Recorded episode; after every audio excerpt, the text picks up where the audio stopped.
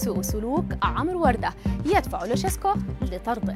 وما قصة لحية جيرارد إليكم أبرز أخبار الرياضة في الساعة الأربع والعشرين الماضية في دقيقتين على العربية بودكاست.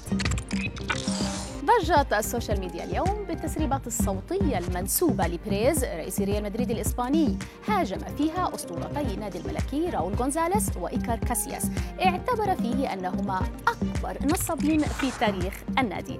هذا التسريب الصوتي الذي تصدر الساحة الرياضية خرجت به صحيفة الكونفيدنسيال الإسبانية ويعود تاريخه لعام 2006 وتحديدا التاسع من سبتمبر أي بعد شهور من استقالة بيريز من منصبه قبل أن يعود إليه لاحقا رئيس ريال مدريد خرج مدافعا بعدها عن نفسه عبر بيان رسمي أكد فيه أن التسريبات قد تم تسجيلها بشكل غير قانوني وأن الأمر برمته مؤامرة بسبب تزعمه لدور السوبر الأوروبي وسيتم التحرك قضائيا ضد الصحيفة.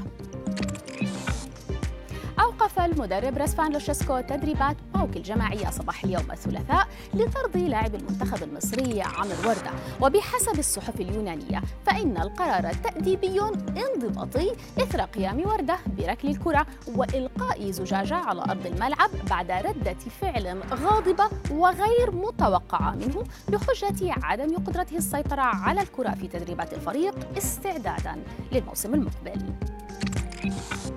وأخيرا قالت نعم. بهذه الكلمات أعلن لاعب برشلونة الإسباني جوردي ألبا عبر صفحته على الإنستغرام خطوبته الرسمية على صديقته رماي فنتورا قائد المنتخب الإسباني في كأس أوروبا الأخيرة تمكن من غسل هموم خسارة نصف النهائي. وكما تشاهدون أعزائي في الصورة لجأ إلى رفيقة دربه ووالدة طفليه التي قبلت أخيرا عرض الخطوبة بعد ست سنوات من الارتباط.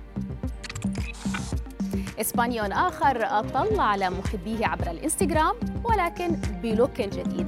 جيرارد بيكي لاعب برشلونة الإسباني شاركنا اليوم بصورة له من دون لحيته وشاربه اللذين اعتدنا عليهما ولفترة طويلة.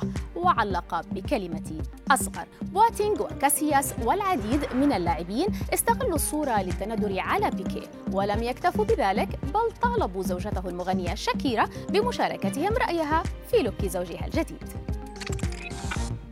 نختم مع نجمة التيك توك أديسون راي والجدل المثار حولها في وسائل التواصل الاجتماعي منذ إعلان إقالتها من منصب المتحدثة باسم بطولة UFC أو ما يعرف بالفنون القتالية المختلطة.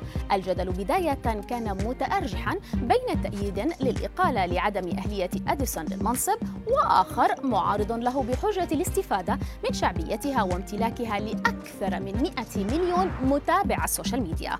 لكن الجديد هنا أن نجمة تيك توك بحسب الأنباء الصحفية لم توظف أساسا لا بدوام كلي أو حتى جزئي وأن الأمر برمته خدعة. ولا ندري حتى اللحظة إن كانت هذه الخدعة من قبل UFC أو من قبل أديسون راي.